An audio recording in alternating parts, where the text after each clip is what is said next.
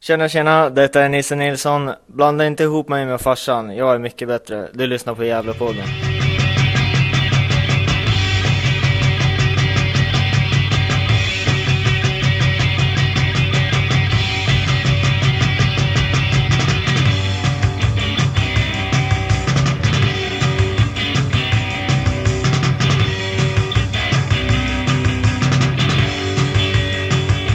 Hallå och hjärtligt välkomna till Gävlepodden nummer 148. Mitt namn är Andreas Ström och tillsammans med Hugo Ådvall, Johan Norrström och eh, Niklas Backlund med support av Per Magnusson så gör vi Gävlepodden. Det här avsnittet har vi valt att eh, döpa till Segerpodden då vi ju åkte upp till Umeå och eh, tog med oss alla tre poängen hem till Gävle. Podden inleds med en intervju med tvåmålsskytten Isak Rojas. Efter detta får ni lyssna till ett eh, analyssnack där jag tillsammans med Johan Norrström och eh, Per Magnusson satte oss ner och analyserade matchen mot TG. Vad var det som gjorde att Gävle spelade så bra? Vi pratar också om eh, David Husseins eh, avgång som eh, klubbdirektör, men också om Gävles akademi och det som Jocke Karlsson sa i tidningen GD. Vi vill också be om eh, ursäkt för att eh, jag och Johan i den här podden ibland blandar ihop matchen mot eh, Sylvia och matchen mot Umeå. Så ibland när vi säger Umeå så menar vi matchen mot Sylvia. Jag vet inte varför det blev så, men troligtvis är det väl att eh, de matcherna var ganska lika där vi släppte in ett mål på övertid och förlorade. Så alltså ibland så menar vi Sylvia när vi säger Umeå och vi ber om ursäkt för detta.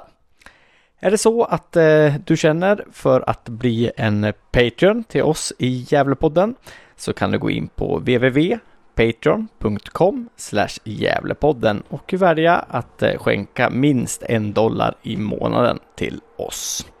Vi finns också på eh, Facebook där heter vi Gävlepodden, så du går in i sökfältet, skriver Gävlepodden och eh, ansöker om medlemskap i gruppen Gävlepodden.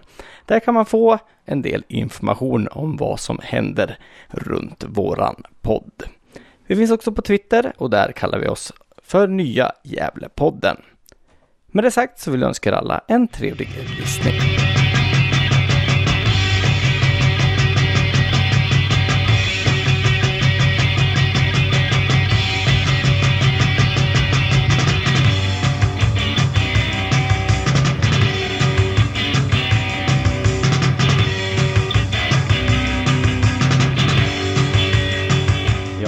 Allihopa, det var Andreas Ström från eh, Gävlepodden. Med mig har jag eh, Isak Rojas, vår eh, forward. Tjena Isak! Tjena! Läget? Bara bra. Ja, jag tänkte vi skulle raskt gå in på matchen mot Team TG och, och se hur du ur ditt perspektiv ser på, ser på matchen. Ja, alltså det, var, det var en bra match från vår sida, tycker jag. Nej, vi gör en, alltså hela laget gör en stabil insats. Jag tror inte det är någon på plan som gör en, en dålig eller medioker insats riktigt. Utan vi, vi spelar bra. Ja, eh, verkligen. Det är bara att hålla med. Eh, Johan Norrström undrar hur, hur matchplanen ser ut? Eh, jag menar, vi hade ju... Vi visste ju hur de, hur de spelade. Eh, vi mött dem två, två gånger innan. Eh, och de matcherna tror jag vi vann båda två. Eh, och så hade de väl ändrat lite allt eftersom. Men vi visste ju hur de spelade och anpassade oss liksom efter det lite. Ja, det har varit många frågor. För jag har ju frågat, frågat fansen lite om, om frågor till dig och sådär. Om, om, om ni liksom gick igenom någon ny offensiv taktik eh, till matchen eller om det bara liksom klaffade allting. Nej, utan alltså just taktik. Jag, jag gillar inte att gå in på det så mycket. Eh, och dessutom så gör jag oftast bara liksom mitt jobb. Utan, eh, men vi har ju ändrat lite i, vi ändrade ju lite i uppställningen. Till exempel Jaja spelar på mitten, eh, vilket har fungerat jättebra. Så det har varit lite sådana grejer också. Därför har vi fått in Cherko också på vänsterkanten. Och, och det, det, är ganska lätt att spela med honom. Eh, men blir det skillnad också om man säger ditt sätt att spela om du har Fernandes bredvid eller om du har, har Tanda där? Ja, det blir, det blir en skillnad. Det är två olika spelartyper. Så det, det blir en skillnad. Jag tänkte gå in på det här med Jaja och vad du, vad du tycker är liksom hans starka, starka egenskaper som, som defensiv mittfältare till skillnad från när han, han spelar som mittback. Då. Nej, men på, på mittfältet, men han är ju fantastisk mittback också. Men på mittfältet har han, han bidrar ju med ett lugn och han är otroligt bollsäker och, och, jättestark i duellerna. Jag menar, han, det är sällan han eh, förlorar en duell och åtminstone inte får frispark med sig. Så att han, eh, nej, jag tycker det har varit jättebra att ha honom på mittfältet. Ja, jag, han, eh, till skillnad från Umeå-matchen så den här matchen gick han ner och plockade lite mer boll. Så det, det var också bra. Ja men jag upplever det som att ni, ni vinner boll högre upp med, med Jaja där och att ni då blir lite vassare eller blir närmare i, i omställningen om man säger så. Ja, eh. faktiskt. Nästa fråga är, eh, ni skapar många målchanser mot eh, Team TG, eh, vilket har varit lite problem tidigare. Är det någonting ni har gjort annorlunda? Nej, alltså det är snarare vad jag kan känna i varje fall är att när kollektivet funkar, när vi spelar eh, bra och gör rätt beslut efter rätt beslut, då, då, då, kommer, vi till, då kommer vi till fler chanser. Eh, som anfallare kan det vara svårt att påverka en match om du inte får liksom bollar att jobba med. Men, eh, men nej, alltså, de flesta matcher på andra halvan tycker jag vi har spelat ganska bra. Eh, och då har, vi, då har vi haft ganska många chanser. Jag tycker ni gör både mot Silvia och Umeå så. Ni hade ju kunnat vinna Umeå-matchen med 3-0 också om ni hade haft lite, lite flyt liksom. Eh, istället så, ja, så förlorade ni den med i slutminuterna. Och Sylvia-matchen tycker jag också att ni är, är bättre mm, än Sylvia. Så jag tycker ni har gjort tre riktigt bra matcher men tyvärr bara fått med, eller bara, det är väl bra att få med sig tre poäng men det hade ju kunnat fått med sig alla nio poängen egentligen i de här tre matcherna som har varit nu. Ja, det skulle vi. Eller fem poäng åtminstone. Så det, mm. det är klart det är, en, det, är en, det är en besvikelse när jag tycker att vi har spelat mycket bättre andra halvan än vad vi, vi gjorde första. Eh, att vi inte får med oss poäng. Men det det är så det är också fotboll. Om du inte sätter chanserna då blir du ofta straffad. Nästa fråga, så det här med att ni som lag har utvecklat spelet, det har du ju varit inne på lite. Men, men du som, som individ då, eh, hur har du utvecklats eh, det här, den här tiden i Gävle? Jag har ju haft bättre förutsättningar än någonsin att liksom kunna gå på, på dagar vi inte tränar till exempel och vara i gymmet och träna skott och liksom sådana grejer. Så att det, det, har inte kommit från, från ingenting, målen liksom heller, utan jag har, jag tränar konstant. Och nej, men resurserna vi, vi har i Gävle IF, det, jag tror det är en stor faktor faktiskt. Eh, alias eh, He Scores på Svenska Fans Forum undrar om du fortfarande ser dig som mittfältare eller om du börjar se dig som, som forward nu? Eh, jag menar, jag har inte riktigt tänkt på vad, vad jag ser mig som sådär utan alltså jag har väl alltid sett mig som en mittfältare men jag trivs jättebra faktiskt i, i att spela anfallare just nu. Det Ja, absolut. Och jag har ju personligen varit, varit lite kritisk mot att du har spelat forward och, och, och har velat sätta dig på ja, som, som offensiv eh, mittfältare för jag tycker att du har de egenskaperna att spela där. Men jag, jag måste erkänna att jag, jag nog haft fel för att eh, har du eh, liksom tvivlat på rollen som, som jag har gjort ibland men, men jag måste säga att jag, jag, jag har ju haft fel helt enkelt. Jag tycker att eh, nu ska du nog spela forward. Ja, nej, jag har, det är klart jag också har gjort det men mm det beror ju på vad det är för matchtyp och liksom hur vi spelar och hur mycket boll vi har och, och så vidare. För att eh, är det en match där vi inte kontrollerar spelet särskilt väl eller vi inte har så mycket boll, eh, då är det svårt som anfallare att påverka. Liksom. Eh, som mittfältare kan du komma och hämta mer boll och liksom, det känns som att det är enklare att påverka spelet då. Jag har lätt för att försvinna om inte jag får mycket boll, skulle jag säga. Eh, och sen vissa matcher exempelvis där ehm, ja, men den motståndarna har kanske backat hem eller så och jag får spela med ryggen mot målet. Det är inte heller någonting jag tycker särskilt mycket om. Utan jag gillar att spela mer med bollen vid fötterna mot mål. Ja, jag, Eller, jag, eller på löpningar. Ja. Nej, jag, jag, jag vet inte hur mycket du lyssnar på podden men, men jag var, var lite, inte jättekritisk men jag sa att du inte fick ut riktigt eh, allt av ditt spel i Umeå-matchen mot för Tege nu där du fick, jag tycker inte du gör ett enda misstag på hela matchen utan du är ju liksom klockren hela matchen liksom. Och, och ja, hur, hur, hur, hur ser du på det? Umeå, om du jämför Umeå-matchen och, och Team Tege-matchen? Men det, jag menar, första halvlek Umeå dominerar ju eh, Mm. mot oss. Och det är lite det jag syftar på. att om Det beror ganska mycket på hur kollektivet eh, spelar. Om man som anfallare ska få ut liksom det mesta av. Sen, jag menar, sen är det självklart, man har vissa matcher där, man, där inte allt funkar som det ska. Så är det ju. Det har ju vem som helst. Men sen andra halvlek kanske jag förstår att många var kritiska till att vi inte gjorde mål. Eh, eller vi gjorde ju ett mål, men eh, att vi inte gjorde fler. Men eh, ja, de fick ju en spelare utvisade, men de, jag menar, de hade ju hela laget i straffområdet. Du, du kan spela mot ett division 4, division 5-lag och om de har alla spelare i straffområdet, det är inte lätt att göra mål.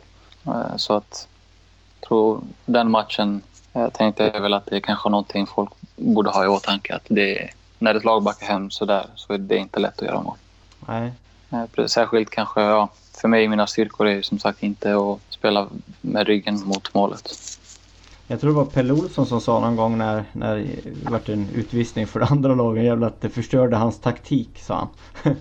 Ja, Att, att de vart eh, ja, en, en man, man mindre och förstörde Pelle Olssons tanke om, om matchen helt enkelt. Så det, ja, det kanske är någonting vi som supporter tror att det ska vara så otroligt lätt när, när man blir en man mer. Men då som du säger så kanske det backar, de backar hem istället och det blir svårare att, att ta sig framåt.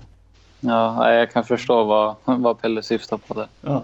Nu kommer en sån här fråga som du kanske inte kan svara på. Men det- 50% av det kanske inte du kan svara på. Men jag, jag frågar ändå. Eh, hur långt är ditt kontrakt och hur länge har du kvar i skolan? Eh, nej, jag tror jag tror inte jag svarar på den. Kontraktet. Men skolan kanske du kan svara på. Eh, skolan, eh, men det, det är ovisst också. Jag, menar, jag har två år kvar, men Mm. eh, det finns det finns ju chans till att plugga eh, distans och så också. Så att jag menar. Men jag har två år kvar. Ah, Okej. Yes. Och då frågar Hasse Carstensen hur, hur det går med studierna. Det går bra, det gör det. Faktiskt. Mm. Jag vet att vi pratade om det sist vi, vi pratade du och jag på, på Gabrielhallen där. Men eh, du pluggar ekonomisk eller? Ja, industriell ekonomi. Precis, så var det. Mm. Ja, det, låter, det låter svårt tycker jag. Men Ja, det är väl mest... Eh, jag trivs inte så jättebra på högskolan. Och eh, det svåraste är väl att, själva disciplinen och plugga hemma och så. Men tidsmässigt, jag menar, jag missar ju en del föreläsningar på grund av fotbollen. Men annars har jag ju liksom all tid i världen att plugga. Så att, eh, nej, men det går bra. Eh, Då kan vi gå över på den nästa fråga som Per Magnusson undrar. Ehm, vad siktar du på i fotbollskarriären? Liksom? Har du något så här mål? Liksom? Jag ska spela allsvenskan eller? Ja, jag vill ju kunna leva på fotbollen, absolut. Eh, sen att jag pluggar. Eh, jag har väl tänkt att så länge jag är på väg mot en examen så kan jag spela, eh, alltså göra det jag vill. Spela fotboll i lugn och ro. Mm. Eh, det känns, eh, eftersom att jag inte vet vad min framtid håller så hade det varit väldigt dumt att, eh, att inte ha en examen vid sidan också. Smart. Nästa fråga också Per Magnusson. Kommer du att vinna interna skytteligan? Jag siktar på det. Jag, eh, det är lite roligt för jag hade ju... Det känns som att jag slösade bort första halvan av, eh, av säsongen. Men det var ju också... Jag menar, vi, var ett helt nytt lag och eh, jag spelade på olika positioner. Eh, nästan varje match känns det som. Men eh, jag flyttades runt väldigt mycket och, och liksom historiskt sett, jag har inte varit målskytt sedan jag var liten. Typ. Eh, så att jag känner att jag har mycket att ta igen nu den här andra halvan. Ja, det är, tycker du blir, blir mer och mer klinisk liksom. Du ser mer och mer ut som en, en forward. Eh, ja, vad roligt att, att höra. För att, Ja. det, det känns så också. Jag menar, jag har, om man kollar på matcherna där jag väl har, där jag väl har gjort mål så jag har inte haft särskilt många chanser. Nej. Men, men jag tränar ganska mycket på, på egen hand också. Och det, det verkar ge utdelning. Ja, det, vi, det har ju varit vackra mål nu på slutet också. Jag kommer ihåg den där strumprullan som du gjorde i, jag kommer inte ihåg vilken match det, det var. Den där, Ja, det var Team, team TG första matchen. Den, det där har jag inte tränat riktigt på. Men, men det, det gick ändå mål som mål. Ja, precis. Du såg nästan besviken ut när du lämnade foten men sen, sen blev det mål i alla fall. Så att, Ja, ja, nej, men det har ju, det har ju blivit en del vackra, vackra mål faktiskt från din fot nu på, på slutet. mm. Nästa fråga är eh, hur, hur ser du egentligen på säsongen som ni har haft? Liksom? Är, det, är det som förväntat eller är det sämre än förväntat? Eller hur, hur, hur ser du liksom på, på lagets säsong? Eh, ja, jag har inte... Jag ska väl, jag har inte riktigt tänkt på det. Jag har varken kollat på tabellen eller liksom ingenting utan bara, bara brytt mig om nästa match. Men eh, alltså jag hade ju sett att med, eh, med laget vi har så tycker jag inte vi borde vara i någon riskzon till att åka ner överhuvudtaget. Det tycker jag inte. Nej. Så mm, då måste jag väl svara eh, sämre än förväntat. Men det, jag menar, det har varit små faktorer också för att många matcher har vi som sagt spelat bra och så har det varit marginaler som, som har gjort skillnaden. Så att, eh, det är inte så att jag är besviken utan om jag är besviken på någonting är det väl kanske liksom på oflytet vi, jag kanske känner att vi har haft. Nej och, och jag måste säga att den här matchen mot TG nu nu, nu ska man, det är svårt att bedöma olika serier men jag tror inte jag har sett en, en bättre match av Gävle IF sen, sen Pojas tid i, i klubben. Om man säger så. Det, Mm. det måste jag säga att den, det var Vi, vi pratade här eh, Innan in- den här intervjun så körde vi ett, ett litet snack eh, Jag, eh, Norrström och Per Magnusson här och, och eh, nej, vi, vi, vi sa det att eh, hela laget är ju otroligt bra. Sen tog vi ut eh, dig, Fernandes och, och, och Faki eller Serko säger ni va, som de tre bästa. Men, men hela laget gör ju en fantastisk insats. Ja, jo, det var en, det var en bra match. Sista frågan. Hur ser du på matchen mot, mot Nyköping? Det kommer, det kommer vara en tuff match. Jag tror det kommer vara en mycket tuffare match än mot TG. Uh, Och förhoppningsvis, jag menar, det, det, när de har ett så ungt lag så är det toppar och dalar. Man uh, måste, måste förhålla sig till att, att vi håller samma nivå som vi gjorde senast och fortsätter och bygger på det. För att, uh, det är ett bra motstånd. De ligger, de ligger också dåligt till men, men skenet bedrar. Alltså, de, de har bra spelare. Jag vet Suad Groda som han har ju spelat i Gävle när Gävle låg i Allsvenskan och är inne i mittfältare i, i Nyköping. Men han tippar ju jag tror han tippar dem som åtta och Gävle som nia innan säsongen. Så att eh, de hade också lite högre förväntningar både på Gävle och på sig själva tror jag. Ja, jag för- förstår det. det placering, placering i tabellen spelar inte så stor roll heller vid det här laget. Utan varje match är ju lika viktig nu. Så att, eh, ja, jag tror det, det mesta handlar om att vi kommer upp i nivå. Ja, nej, håller den nivån som du gjorde senast så, så ska det nog fixa sig det här. Du, jag tackar så hemskt mycket Isak för, för intervjun. Mm, tack själv. Så får du ha det, ha det gott. Ja, detsamma. Ja. Tack. Hej.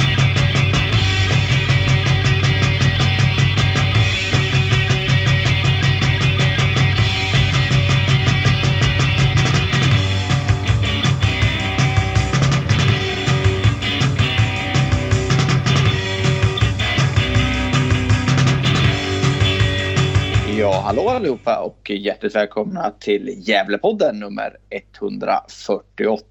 Idag har jag som vanligt med mig Johan Norrström. Hallå Johan!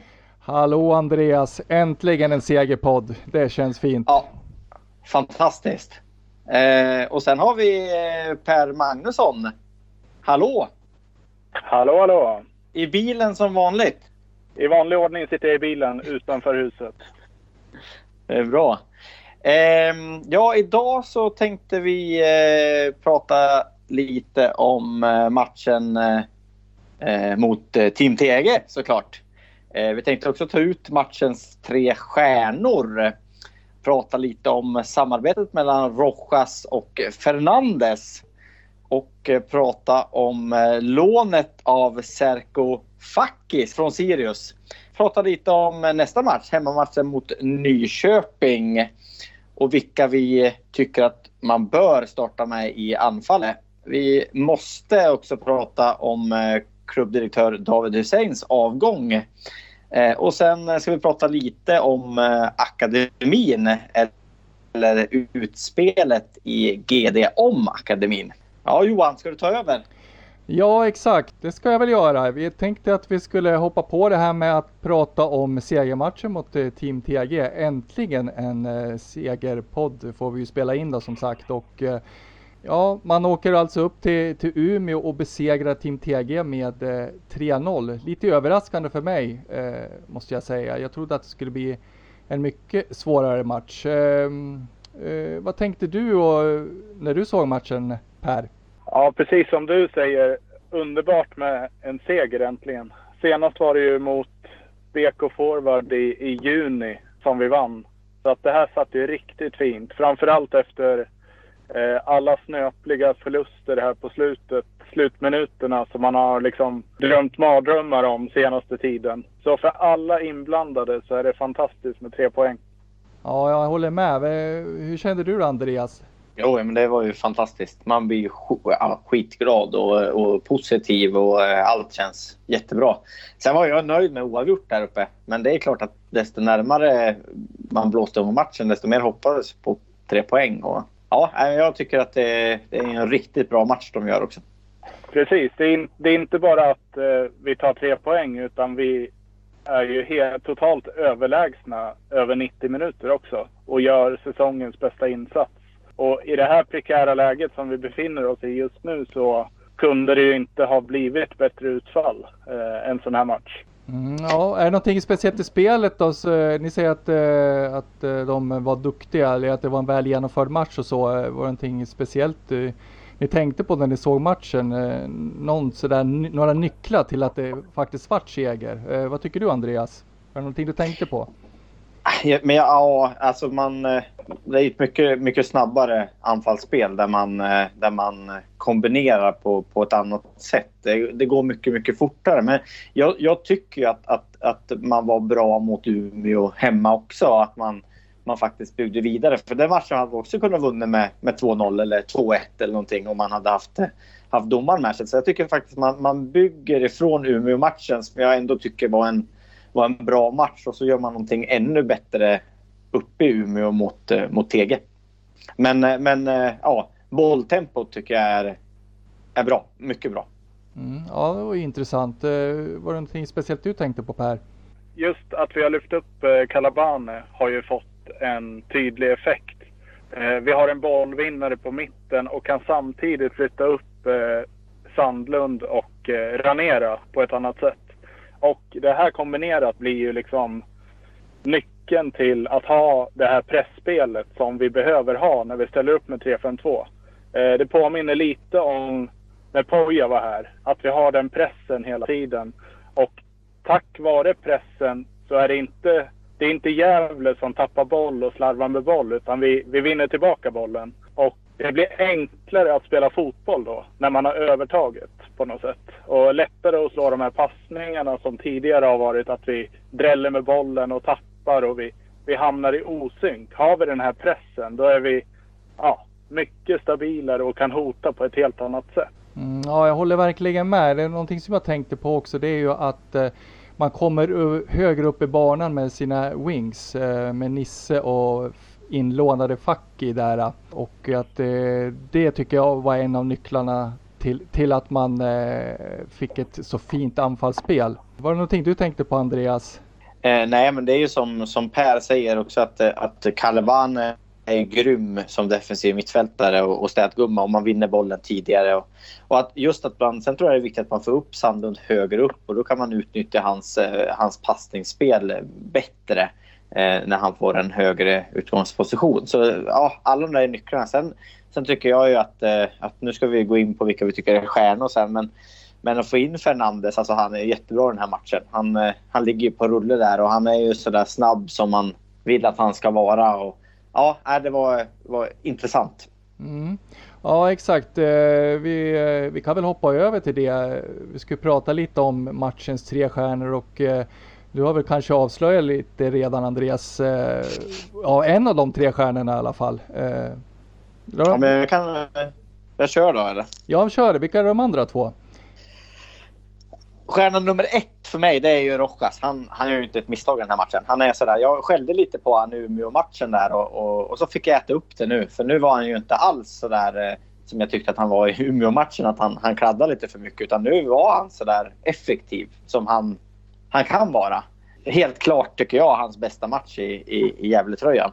Eh, och sen tycker jag eh, stjärna två är, är eh, Facki. Jag tycker han är eh, jättebra på, på ytten, eller wingen där.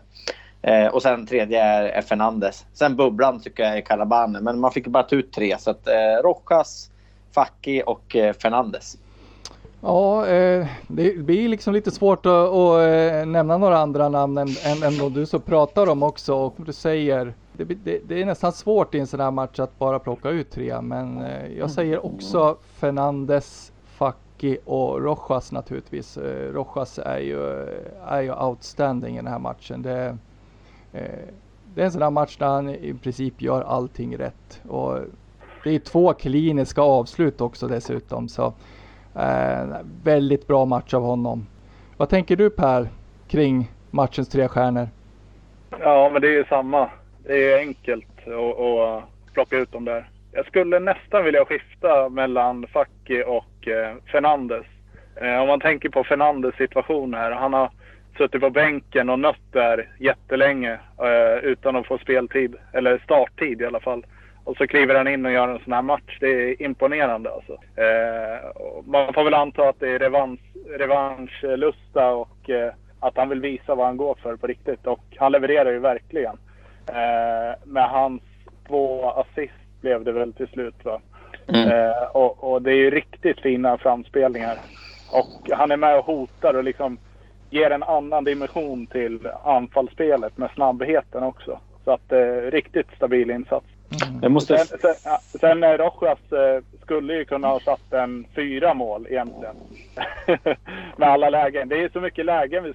Ja, nej jag håller med. Och vet du, Fernandes hade ju eh, ett par lägen att göra mål också. Han har ju ett närskott där som eh, Team TG-målvakten gör en... 6-0 i den här matchen. Ja exakt, det är ju så. Fucky har en i ribban också så att det, jag menar det saknades ju verkligen inte chanser den här matchen. Det, ja nej, det, äh. de är väl ganska givna de där tre ändå på något vis.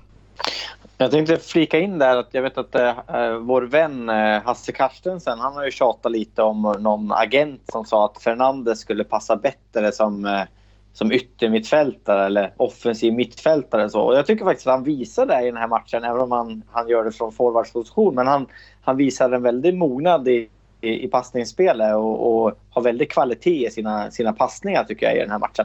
Mm, ja, exakt. Och eh, det som jag reagerar lite på, eh, om man nu hoppar över till nästa punkt som är samarbetet mellan Rojas och Fernandes, det är ju att eh, det varit ett eh, lite rakare och snabbare spel, anfallsspel. Vad tyckte du? Jag vet att du, vi har ju berört det lite här tidigare, men vad tyckte du Andreas om, om samarbetet mellan Rojas och Fernandes? Jag tycker att det är klockrent. Eh, alltså tyvärr, jag tycker inte Tanda har varit dålig i de matcherna han har varit med. Men, men som de här två visade nu så, så tycker jag att det borde vara väldigt svårt att, att, att peta dem. För jag tycker de, jag vet inte, ibland så har två spelare kemi liksom. Och det känns som att de två hade det här redan, redan från början på något sätt. Att de hängde ihop.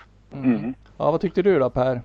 Nej, men jag håller ju med Andreas såklart eh, i det han säger. Och eh, efter den här matchen så, så eh, bör de starta nästa. Alltså de gör det så pass bra så att de, jag tycker de ska starta. Just det, och det är ju hemmamatchen där mot eh, Nyköping som är nu på söndag. Eh, och jag förstått det rätt så tycker ni att de ska eh, få starta anfallet, alltså Rojas och Fernandes. Ja, det, det, efter den här insatsen så, så spelar det väl ingen roll hur det ser ut på träningen här i veckan, skulle jag säga. Det var ju det han sa, Bengtsson, i den här intervjun i, i GD där. Men det kanske är spel för, för gallerier för att inte avslöja för mycket för Nyköping hur de tänker ställa upp. Men nej, det var ju en eh, klockren insats av, av, båda två. Så att eh, eh, det, det, tycker jag inte man ska peta. Nej, och, och, samtidigt så får man ju den här klassiska intressanta eh, konkurrenssituationen i anfallet. Nu är det de två givna tidigare är inte lika givna. Eh, så att eh, Tanda vill ju komma in och visa vad skåpet ska stå nu också. Så att eh, det är ju det är bara positivt. Ja, jag håller verkligen med. Det, det kanske är just den här eh, vet du, kicken arsle som Tanda behöver i. Eh, Eh, faktiskt. Just att, att känna av att, att, att han inte är given. Så, mm. Mm. Jag tänkte inflika där att jag pratade ju om, om att det skulle vara någon, någonting mellan Fernandes och, och Mackan Bengtsson här i förra podden. Men, och trodde att han skulle sätta in Zero där istället. Där fick jag på, på truten då. Igen. Så att nej, det var ju bra Mackan att, att sätta in Fernandes. Ja men det var väl bra att eh, man kan lyssna på podden och att han tog ut Fernandes på ren trots då tycker jag. Det, det är ju suveränt. så, får, så, så, får vi här i podden. Tacka Ström. Ja, får tacka. Tacka Ström liksom. Det, vi får ta åt oss lite cred. ja, precis. Frågan är om han, han lyssnar. Ja, det tror jag. Ja. På Segerpodden lyssnar jag i alla fall. Ja, ja. ja det var ju... Nej, det var... Om man säger så att, att, eh, att, eh, Rojas och Fernandes fick full utdelning så, så fick ju Mackan Bengtsson full utdelning på, på sitt, sitt lag, sitt, sitt coachande i, i, i den här matchen också. Så Mackan ska också ha beröm tycker jag. Jag tycker absolut. Det, det, vart, det vart riktigt bra och det, det syntes på något sätt att man att man hade en plan och att, och att man lyckas med den. Eh, nu, nu nu dominerar man ju matchen och eh, jag kanske kan tänka mig att det vart lite lättare efter det där eh, tidiga målet. Men, men ändå. Man, eh, man följde en matchplan och eh, den eh, gick väl i lås nästan till 100% kan man säga. Ja, vi har ju berört eh, vet du, nästa hemmamatch som är mot eh, Nyköping. Då. Vad, vad tror vi att vi kan förvänta oss av den matchen? Nyköping har ju vaknat till liv där i, i bottenstriden även de. Eh, vad tror ni, kan det bli en eh, tuff match på söndag? Vad tror du Per? Ja, jag tittade lite på, på spelschemat här och eh, de kommer ju från en 4-1 vinst mot eh, Karlslund här, Örebrolaget. Där de i och för sig stod matchen och vägde. Det stod 1-1 ganska länge, sen blev det 2-1 i 76 eller något sånt där. Och sen så rann det iväg på slutet. Men eh, man har ju spelat 1-1 mot Akropolis också och eh, vunnit någon annan match. Så att man har ju en positiv form, formkurva. Men eh, eh med tanke på hur Gävle såg ut senast eh, och det är hemmamatch så är det bara att fortsätta på inslagen väg och då är det tre poäng. Alltså. Eh, om de kommer upp i den nivån så eh, är det inte många lag som kan hota Gävle. Det är känslan. Uh, nej, och Nyköping är väl näst sämsta bortalag va, tror jag. De är väl ganska starka hemma, Nyköping, men, men sämre borta har jag fått uppfattningen om. Um, sen känns väl Nyköping som ett sånt här lag som egentligen kanske inte ska ligga där nere. Det finns lite för mycket kvalitet i det laget för att de ska ligga där de, där de ligger egentligen. Mm. Mm, ja, nej, det blir, en, eh, det blir en väldigt spännande match och det var ju du som du nämnde tidigare Andreas att uh, Gävle gör en jäkligt bra hemmamatch mot uh, Umeå också och uh, det är ju det är en jäkla massa oflyt egentligen som gör att man förlorar den där matchen och uh, nu gör man en väldigt bra match mot Team TG så att vad heter det, det ska bli spännande verkligen nu på söndag. Det, det är väl två lag som, som kanske har en stigande form helt enkelt. Ja, och eh, framförallt så gäller det ju att liksom inte göra de här dråpliga matcherna. Alltså, eh, så var det ju när du och jag Andreas var här i Örebro och kollade på Karsund. Mm. Så var Gävle jättebra. Och sen matchen efter, nu minns jag inte vilka det var, spelade man hemma och torskade. Om det var Sylvia eller något. Nu gäller det ju att hålla i och liksom bygga vidare på det här och, och vara starka. Eh, det är ju det det handlar om. Mm.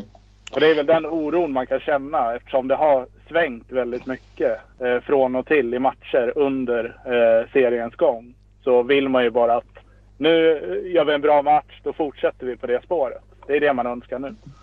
Ja, fast det, jag tycker att den här, den här matchen... Nu, nu, det är svårt att värdera för att man vet ju inte hur, hur bra eller, eller dålig Team TG är. Men i min synvinkel så tycker jag nog inte Gävle har gjort en så här bra match sen, sen Poja-tiden i alla fall. Eh, det, det, måste jag nog ändå säga. Med så mycket avslut.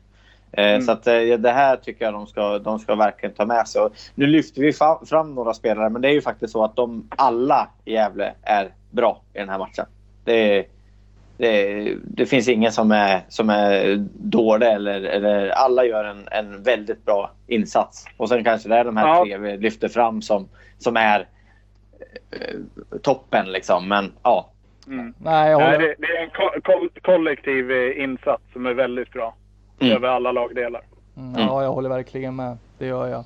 Alltså det ska, det ska bli spännande på söndag och det är som, eh, som Per säger att med liten farhåga att det kanske är att man är lite ojämn men, men å andra sidan så har man eh, i åtanke då att man eh, var bra mot Umeå hemma och eh, var riktigt dominerande i den här matchen mot Team TG så, så, så är det väl bara att hoppas att de eh, tar det med sig och eh, gör en riktigt bra match mot Nyköping på, på söndag. Vi glömde att prata om facket nu. Ska vi göra det? Alltså, vi är ju inte bortskämda med bra lån i Gävle. Och jag tycker att det är ett riktigt, riktigt bra lån. Kärko Facke. Precis vad vi behövde på, på wingen. Så mycket kan vi säga. Ja, ja, nej, jag håller med. Det, det, är, väldigt, eh, det är ett väldigt bra lån. Det är det och eh, man har, eh, man har nyttjat sina kontakter som man har i, i, i Sirius nu för tiden tror jag lite. Och eh, nej, han var, han var riktigt, riktigt bra i, i, i matchen mot Team TG. Och vi har ju väldigt bra samarbete mellan, han är ju länken däremellan, Louis eh, och eh, Rojas. Och där attackerar vi gång efter annan och det blir ju farligt hela tiden. Plus att han gör ett mål och sätter ett skott i ribban också. Så han är ju glödhet. Ja, verkligen, verkligen. Jag, jag håller med och jag, jag satt och reagerade lite på det för jag, jag satt och såg om matchen lite i, idag sådär och njöt. Och eh, jag menar, Facke han, han låg ju längst fram ibland. Han var ju, han var ju högre upp än vad Rojas och Fernandes var liksom. Så det, ja, det var, det var ren njutning. Eh, det, han håller hög kvalitet, så är det. Men sen Mm. tror jag inte att han har riktigt orken än. För att jag, jag har inte förstått varför han byter ut den. Men det måste ju handla om att han, han orkar inte 90 minuter helt enkelt än så länge. Eftersom han inte har spelat så mycket i, i Sirius. Ja, Eh. men jag, lä- jag läste, det var en artikel i, i GD om det inför matchen eh, igår. Eh, och då stod det att han hade haft lite kämpigt här i början, men att han Mm. börjar komma in i det för fullt nu. Mm. Han, snart är han redo, redo för 90 minuter. Men han är grym de 80 han spelar. Ja, Verkligen. tänk, tänk hur bra han kommer att vara när han är 100 procent. Det, Mm. det ser jag verkligen Tyvärr. fram emot i så fall. Tyvärr, tyvärr kanske säsongen är slut då. Men, ja. Ja. ja. Ja, men om vi går vidare lite då i, i programmet så eh, efter förlustmatchen här senast så, så fälldes det väl lite en annan bomb här dagen efter och det var väl att eh, klubbdirektören David Hussein eh, väljer att avgå. Eller bom, bom, bom. Det, jag varit inte så överraskad i och för sig men eh, och du skrev ju en eh, krönika i just ämnet och, och om David Husseins avgång då. Hur, hur tänker du så här med några dagar efteråt Andreas? Jag tycker fortfarande att det är väldigt dålig timing. eh, Man går ut med den här nyheten. Det hade man kunnat spart i november när det var, när det var färdigt kan jag, kan jag känna. Nu vet inte jag om, om det var det som gjorde att vi vann med 3-0. Det tror jag ju inte. Men ja, så att det, kanske inte ger någon effekt till, till spelartruppen så. Men jag har full förståelse för att David eh, hoppar av. Jag är småbarnsförälder själv och vet hur mycket, mycket tid det tar. Och, och som klubbdirektör i Gävle IF i division 1 så, så får du nog ha många strängar på din, på din lyra.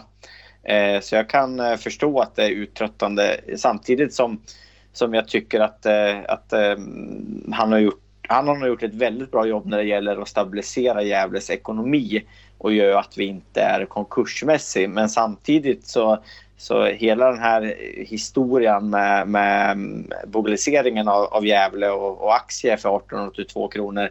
Eh, det ger en, en lite sur eftersmak hos mig. Ja just det, det var väl lite så jag tänkte också eh, kring bolagiseringen där. Det är väl och eh, priset på aktien och, och just att det, det vart ett eh, gigantiskt misslyckande. Det kändes lite som att eh, Davids eh, tid kanske, ja det, luften gick ur redan där på något vis. Eh, det, det, är min känsla och eh, men annars så håller jag med om det. det, det arbetsbördan har nog varit olidlig. Har man eh, småbarn och, och, och fru och sådär så, så, så förstår jag att det är tufft att och få det att gå ihop. Vad tänkte du då Per när du nåddes av nyheten? Lite överraskande tycker jag. Eh, men samtidigt, eh, jag håller med i det ni har sagt om bolagiseringen som var ett riktigt fiasko med facit i hand. Tar man det kombinerat med att Gävle bara har fallit som en sten genom divisionerna så är det ju att jobba i motvind hela tiden. Och han tog sig in för att, stärka på marknadssidan och hade mycket kompetens kring det. Och eh, med tanke på de bitarna så kan det inte ha varit speciellt roligt att försöka jaga sponsorer och sponsoravtal och liksom öka värdet på den här produkten. För det handlar ju väldigt mycket om liksom sportsliga resultat i grund och botten. Och eh, det har man inte haft. Jag kan förstå att han går vidare. Ja. Eh, och vi behöver väl få in det ska vi väl kanske diskutera också. Mer, det är klart vi måste stärka eh, eh, sponsorsidan och marknadssidan men resultatet måste ju börja komma och eh, vi kanske ska öka den sportsliga kompetensen istället. Ja, jag håller verkligen ja. med faktiskt. Och det var väl det jag var inne på i den här krönikan att eh, att det är det jag har saknat. Sen är det hur man gör det. För att eh, Malin gick ut och sa att de kanske skulle förändra sammansättningen eller jag vet inte riktigt hur hon uttryckte det men eh, så det kanske inte blir en klubbchef utan det blir någon, eh, någon annan slags eh, roll. Och jag kan väl tycka att man kanske skulle sprida det på fler eh, om man har råd med det vill säga.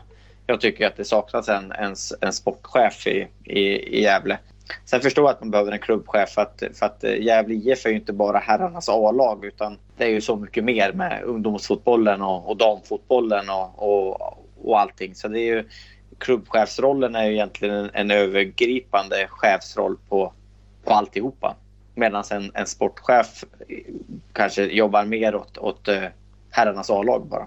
Mm. Och det fanns ju en eh, intressant vinkel på, på, på forumet kring det där. Det var någon som skrev att eh, man, eh, förslaget var väl att man skulle försöka anställa en sportchef på halvtid då, och en klubbdirektör kanske på halvtid på något sätt då.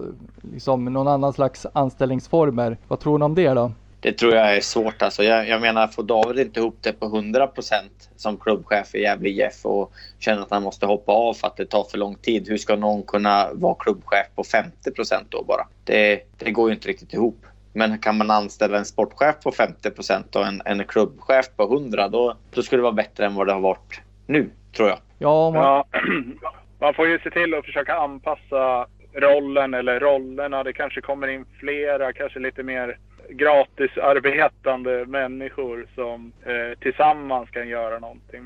Det är ju som Malin är inne på att man ser över rollen och, och, situationen. Nu är man i division 1 och eh, David kom in när vi var i superettan och vi stod inför något helt annat. Så det är väl ett, ett bra läge att se över, håller jag med om. Men jag vet inte riktigt hur, hur det ska formeras. Det får de lösa. Eh, sen måste jag ju säga det att, att alltså, man, man, kan, eh, man kan tycka att David har... Jag, jag, tycker att David nog har gjort ett ganska bra jobb ska jag säga. Han, han ärvde ju otroligt mycket efter, efter Lagerström när det kommer till, till eh, dålig ekonomi. Eh, eh, Johan Mjällby ärvde han också från Lagerström. Så det är mycket i föreningen som David inte har kunnat påverka om man säger så.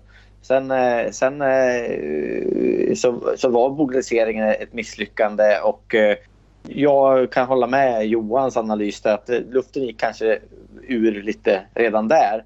Men jag kan känna att det var hans drömjobb. Det var ju så han uttryckte sig när han blev anställd. Och måste, jag känner ändå liksom en, att, det, att det är tråkigt på ett sätt också, om man säger så, med David. Jag, jag tycker att han, han har fått en del skit här. Men jag, jag, måste också försvara honom på vissa punkter. Ja, man får ju inte glömma bort att han eh, var ju en av dem som eh, hjälpte till att städa upp eh, det ekonomiska och räddade ju faktiskt, hjälpte till att rädda klubben från konkurs. Så att eh, det är ju någonting som man verkligen ska ta med sig ändå. Ja, jag tycker man ska mm. komma ihåg David i den, i den spektran om man säger så. Att eh, det, det är där vi ska komma ihåg honom.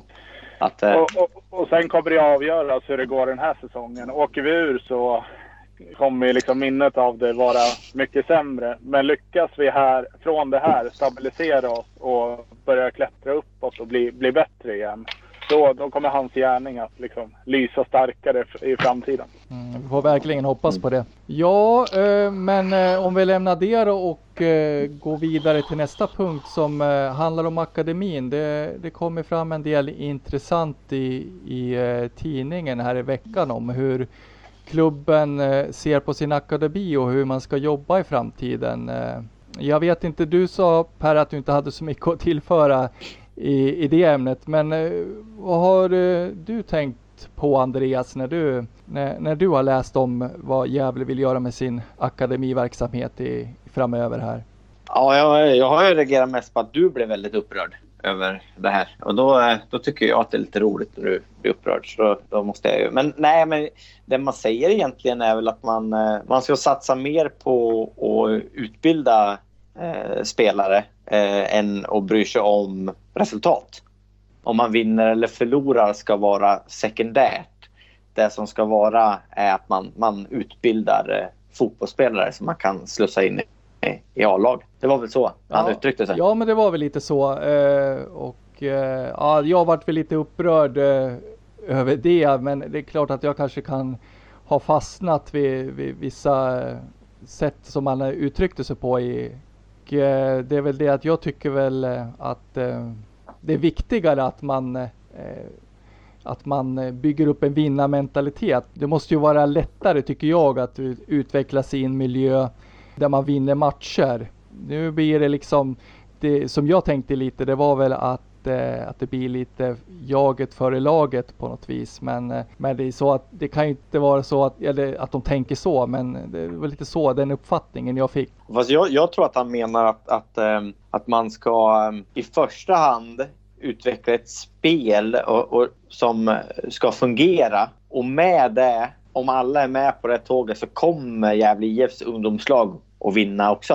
Men det är inte det som är det primära. Man, man, man kommer inte att slå långbollar på, på en, en target som nickar in den bara för att vinna matchen. Utan, för, förstår du hur jag menar? Eller hur han menar? Jag tror att det är så han, han menar att man, att man ska utbilda spelarna i första hand. Man ska inte spela ett, ett, ett spel som inte är utvecklande bara för att vinna. Nej, exakt. Jag får ju hoppas att det är det han menar för att eh, det kan ju bli lite svårt att eh, locka talanger eller behålla talanger om man har inställningen att man inte vill vinna matcher. Eh, men, Men det, men det tror jag inte man har. Jag tror bara att man, man ser det som sekundärt. Det, det primära ska vara att utbilda spelare i den fotbollen som spelas idag. Ja, ja nej, det är väl bara att hoppas att det är så. Ja, ja annars får han det hett om öronen Jocke tror jag. ja, det tror Ja, men jag. Jocke, Jocke har ju varit med i podden flera gånger. Han kan väl vara med och, och berätta hur de har tänkt. Så slipper vi spekulera i det. Ja, men det är en bra Ja. idé Per. Absolut. Ja. Det, Vi har så grymt, grymt mycket på gång nu. Ska du presentera där vi, vem vi ska prata med här framöver, Johan? Men eh, han sitter ju på marknaden eh, och eh, anledningen till att vi, vi ska prata med honom det är ju eh, de här diskussionerna som har funnits på, på, eh, på forumet om, eh, om det här med sponsorer och sånt. Och eh, därför ska vi prata lite med Sebastian Zettergren som är säljare i Gävle och eh, vi har en intervju med honom eh, senare här i veckan. Ja, och jag eh, har en eh, intervju eh, till efter Nyköpingsmatchen med Suad Groda återkommer i, i podden. Så får vi hoppas att vi har gett eh, Nyköping riktigt på pälsen så att han är, han är lite låg, Suad, när jag intervjuar. Ja, men det vore ju perfekt. Ja. Jajamän. Nej, det är lite, lite intressanta intervjuer framöver, känner jag. Ja, verkligen. Härligt. Det, det kan ju vara skönt att rät, räta ut några frågetecken ibland och inte bara sitta och spekulera i podden också. Precis, precis. Så jag hoppas att eh, Sebastian kan, eh, kan räta ut frågetecken när det gäller eh, sponsring och eh, eh, jagandet av sponsorer till Gävle IF. Ja, och så får hoppas att eh, Groda eh, kan förklara varför de förlorade matchen mot Gävle. Precis. Ja, Exakt. berätta hur bra Gävle är just nu. Exakt, det vore perfekt. Jajamän. Ja, men vad bra grabbar. Jag får tacka så mycket. Det var ett fint snack det här. Ja, Tack grymt, grymt att få göra segerpodd. Ja, Äntligen. äntligen. Äntligen slipper jag sitta och vara skitnegativ i en podd. Ja, det var verkligen trevligt att få göra en sån här podd. Ja, nu hoppas vi att det fortsätter så här så det blir segerpodd på segerpodd. Ja, Det räknar vi med. Yes. yes. Ja, men eh, tack grabbar. Ha det grymt. Ha det grymt. Vi hörs. Ha det bra. Yes, det är vi. Hej, hej.